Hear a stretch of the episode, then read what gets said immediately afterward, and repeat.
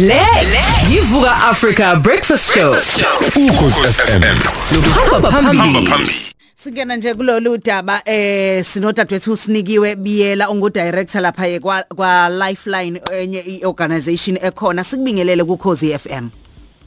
Ngiyakubingelela umroza nosigqumeza nabo bonke abalaleli bokhozi FM kuvuka breakfast show. Mhlambe nje ngomusho nje owodwa awukusixoxele ukuthi mhlambe uLifeline wenzani emphakathini wethu. uLifeline organization engekho ngaphansi kahulumeni phecelezi la esibizwa ngathi ama-NGOs usupporta kakhulu noma ulekelela kakhulu abantu besifazane abahlukunyeziwe um ngabe ukuthi bayashawa noma ngabe bayadlwengulwa lokhu sithi phecelezi gender based violence unikeza kakhulu i-counseling noma izeluleko ngokomoya phinde besekele uma sebeyena ucaleni abe enkantolo Mm. Nilizwile udaba lomntwana oluyelwa phatha kabi kakhulukazi umphakathi wonke ekade kukhulunywa ngalo izolo umama elibeka udaba mhlawumbe igalelo lenu kulolu daba lomntwana eh luthini njengamanje Um uLesihlanu uyalazi udaba ngoba luye lafika endlebeni zethu ngolesihlanu oludlulile. Um njengoba namhlanje nje kulesini ngolesihlanu oludlule. Um la kufike khona ne social worker la Lifeline isebenza e police station e Places Lay um e victim friendly room la osuke kulekelelwa khona abantu abanenkinga ema police station. Um umama ukhona siyamazi u- uyalithola njengamanje usizo kodwa istory ashoyo siyiqiniso. umntwana uye um wadlwengulwa kabili um uthe esedlonguliwe lo amdlongulele egcikeni kubo ngo2019 amaphoyisa ambopha aseplaces le umshushisi wa wenza konke okusemandleni ukuthi umuntu angayithola ibail. Umama walandela yonke imigudu okufanele ayilandele njengokuthi umntwana mose sibedlela um ethuthuzela la kusuke kuzo soba khona abantu abasuke bedlonguliwe. Eh wayenza yonke imigudu wamusa kodokotela futhi baqinisekisa ukuthi umntwana udlenguliwe ngempela. Um emva kwalokho uh, uye waboshwa umdlenguli umshushisi nomphathi wecala leli lokudlengulwa balwe kusukela ngo2019 no2020 wonke ukuthi engayitholi ibheyili umdlenguli akangayithola ngempela wonke unyaka odlule kuthe kulonyaka ngoApril inkantolo enkulu yasemajajini high court yasemgungundlovu yamdedela umdlenguli ngebhayili abe ku-April ngo2021 kade kwenzeka lokho um kodwa umzali wengane akatshelwanga ngokuthi umdlenguli usephumile manje eh, ngebhayili umndeni nje akwazi utshelwe lutho. Okutheke ngomhla ka25 August abantwana behleli ekhaya bodwa umama esahambile eh wafika umdlenguli um ebusuku sebe bengakalali kwakuyikhathi zabo 7 kodwa soku- sokumnyama wavula ibhedla gas kade kumntwana omncane ephumile eminyango kukhona into oyithatha wangena kanye naye. Uthe uma engena kanye naye wadubula ke umntwana lo abemfuna vele onukubeziwe um ngicabanga ukuthi umama kade khuluma nani izolo ubesedideke kakhulu. Umdubulo amahlandla awu9 umdubulo inhlamvu eziwu4 esini ezimbili ebeleni ngalinye shuthi ibele ngalinye lathola inhlamvu. Wamdubula inhlamvu ezintathu esandleni sa- sasomnxele njengoba ngikhuluma nawe nje u- ulwela impilo yakhe usebuye ICU esibhedlela. Isandla sonxele asisebenzi umntwana akasakwazi ukuyela etoilet bese kufanele bhotshoze imbebo esiswini la okuzophuma khona um izinto edinga ukuphuma uma umuntu etoilet ngoba akasakwazi ukuyela etoilet ngendlela evamile. Um lesi senzo sibe sibi kakhulu ngoba akugcinanga nje ngokuthi mhlawumbe bedubule umuntu lo onokubeziwe um nomfana wakubo ubekadlamile kumdubulo ona9 ngoba ubekhala kakhulu ekhalela udadewabo ukuthi nangidutshula phambi kwengane encane kunazo zonke bikhona lesigameko senzeka ibineminyaka emini kuphela. Um futhi bebodwa ekhaya ngoba uma wabo ubesahambile so ngalesikhathi sonke lesigameko senzeka labo bantwana bebekhala um laba ba- laba babili ebebezo amhlukumeza kulomndeni babe sebezama ukudubula lo mfanyana ona 9 ngoba shuthi bephazamisa ngendlela bekhala ngayo kakhulu. Wabaleka kumntwana wangena phansi kombhede inhlamvu yashaya udonga yamgeja yini ubengahambi ke yedwa umsola ngalesikhathi enza lento ubehamba nomngane wakhe lo umama achaza ukuthi wabalandela bese enkantolo um wenze ngathi udidekile uzobuza igama ukuthi ngabe ingane nompumelelo yini? Kanti ubuka iphepha leli lasenkantolo ukuthi likubhala ukuthi ihlala kuphi address ubese balandela kwagibela nengane ekhumbini. Ingane itheni ibona ukuthi nangu lo muntu okade esenkantolo engathi yangilandela isiyehla esitobhini naye wehla lo muntu la yehla khona. Yagijima ingane yaze ekhaya wayilandela futhi yazengena ekhaya wafika ucela amanzi kudadewabo ingane omdala.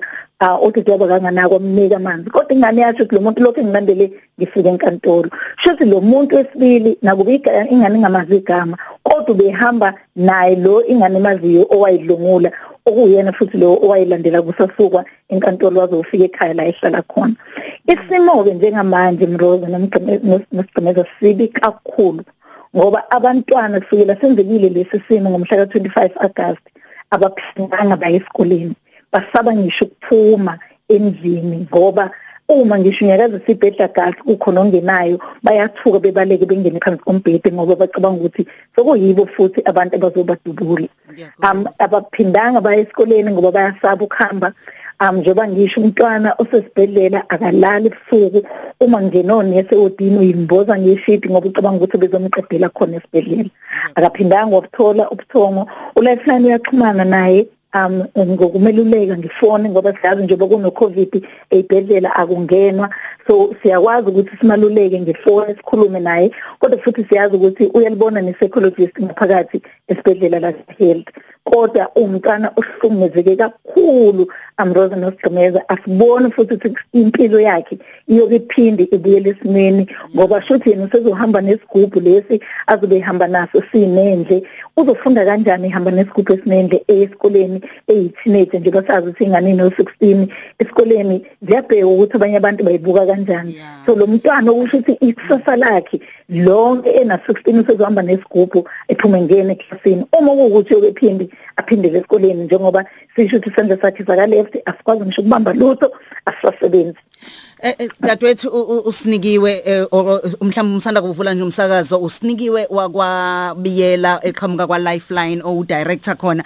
Eh siya indlela osusibekele ngayo isithombe nasekhaya kumlaleli ngicabanga ukuthi ke kuyamcacela. Mhlambe futhi ke singaxolisa nje nakulabo abazwelayo kakhulu ngalolu daba okungasho ukuthi abazweli ngesimo esenzekile kodwa mhlambe abanye abasheshe bathuke kwezinye izimo eh uma ngabe ke zibafikela bezilalele. Ikuphi mhlambe lapho ngokubona kwenu njenge organization ukuthi ay engathi umthetho la uhlulekile ukuvikela mhlambe umndeni nanokuthi ke kuyaphambili njengamanje kuzokwenzakalani? Into ebuhlungu kakhulu Mroza ukuthi amaphoyisa siyazi ukuthi ehleze egxekwa kodwa kulokho iphoyisa beliphethe leli cala lenze konke okusemandleni ukuthi umzengula avalele ejele abashushisi uNPA benze konke okusemandleni abo ukuthi umuntu angaphumi isigebengu singaphumi ejele. Into esiphatha kabuhlungu kakhulu ukuthi inkantolo enkulu yasemajajini eMaritzburg High Court iyona eyenza isinqumo sokuthi kuphume lo mdlengulo okusho ukuthi izathu bezibekwa iphoyisa eliphethe icala izathu bezibekwa uNPA zokuthi kungani lo muntu kumele engaphumi ejele. Inkantolo enkulu ishaya indiva izathu zabo ziwele endlabeni ezivalekileyo ngoba baye bamdedela. Okusho ukuthi ezobulungiswa zase South Africa zimfailile lo mntwana. Usesimweni akuso njengamanje ngoba ezobulungiswa zase South Africa zihlulekile ukwenza ubulungiswa. Umntwana kunokuthi asizakale impilo yakhe iye yamosheka kakhulu kunakuqala. Okubuhlungu akumoshekanga ngomntwana kuphela kumosheke nabafowabo abancane abangasafundi njengamanje asebephila netrauma enkulu. Umndeni njengoba ngikhuluma nawe nje ubalekile uMPA ususile wawuyise kubhaceni ngoba akusazi ukuthi uzohlala kanjani lapha endaweni usetshela impilo yawo. Um ukusho ukuthi ngempela ezobulungiswa South Africa azikwazanga ukumela iqiniso zikwazi futhi ukumela lo mntwana obekhulumile ngoba sihleze abantwana sibakhuthaza ukuthi umudlo ngiliwe ukukhuluma sihleze sikhuthaza umphakathi ukuthi uma kukhona isimo ungasiboni ngahle into enganeni report bakwenzile konke lokho. Njengamanje umthetho wase South Africa esithi uyibulele ingane ubulele lo mndeni ubulele yonke into ephathelene nalomndeni njengamanje. Esibhlungu kakhulu ngakho. Koze kube nina abantu besifazane besebhlungu nomngaka. Sibe sithi South Africa kunama right abantu besifazane. Sibe sithi abantu base South Africa bavikelekile umthetho. Uma kunezimo ezinjengalezi umthetho wase South Africa ubavikele kanjani abantu besifazane?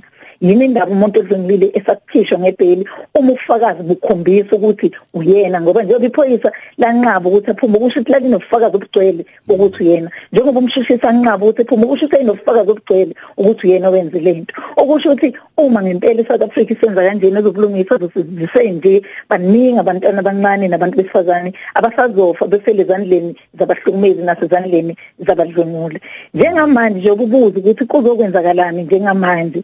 Um uLahlani usebenzisane kakhulu no-NPA um ukuthi bagcine besusiwe endaweni ngoba kubonakalile ukuthi abaphephile laba khona njengamanje. Ngingaqinisekisa lokho ukuthi NPA bafihlile njengamanje ukuthi bebe sekubhaqeni bebe bephephile. Bazothola ukwalulekwa ngokwengqondo nokwalulekwa emoyeni ukuthi begcine bekwazile ukumlama siyazi ukuthi ukudlengula kushiya izibazi noma izika ezingaphinde iphele empilweni yomuntu. Siyafisa ukuthi umntwana ngelinyanga alulame nasemoyeni agcine ekwazile ukuphila impilo enjengabanye abantwana. Nakuba kunzima ukukholwa lokho ukuthi uyoke iphila impilo enjengabanye abantwana. Njengamanje ubusenzanike manje namhlanje uLahlani nje ngo9 usendleleni ebheke enkantolo yamajaji eMgungundlovu la esobhikisha khona ngaphandle silwela ijustice. Sifuna umntwana abuthole ubulungiswa. Sifuna isigebengu siboshwe. Njengoba ngikhuluma naye Mroza asikabosha. Namanje sisaqhanasa la ngaphandle. Impilo yengane simoshekele iphelile. Sona sisayihambela sikhululekile. Okusho ukuthi futhi ziningi ezinye ingane engaphephile njengoba yena sengaphandle um yilokho esizokwenza manje nokuthi ke sizoqhubeka umndeni susekela uzoqhubeka uthola ukwalulekwa. Lokho esisiphecelezi counseling kuze kube kufika isikhathi la ululama khona ngokugcwele ngoba siyafisa ukuthi ugcineluleme kodwa sifuna ukufaka ingcindezi enkulu kwezobulungiswa zase South Africa ukuthi manje sithi enough is enough sebantu besifazane sithi akuphele lento eyenzakala kubona. Siyacela inkantolo uma zikuthatha ngokubalekile ukuthi siyafuna ukuvikela abantu besifazane. Sicela bekhombise ngezenzo mroza. Sicela beyeke ukukhombisa noma emibhalweni ebhalwe phansi kwi-constitution yethu abantu besifazane banamalungelo. Sicela amalungelo ekhonjiswe ngezenzo ukuthi sithi babalekile futhi siyabasekela futhi siyabezwa ekhaleni zabo bakhala ngazo uma behlingeziwe. Sicela umthetho wase-South Africa ukusumele lokho. Siyacela nobaba ubhekicele asukuma sibambe leso sigebengu sisengaphandle ngoba namanje sisengaphandle nje bangikhuluma nawe nje. Okay. Asibambe la eh sinike siyabonga kakhulu ukuthi usinike nje isithombe sokuthi yini enzakalayo. Eh sithemba ukuthi ke nizolokhu nani ningamandla eninawo lokhu nisizile lezi ngane nomndeni. Siyabonga kakhulu ukukhuluma nathi kukhoza.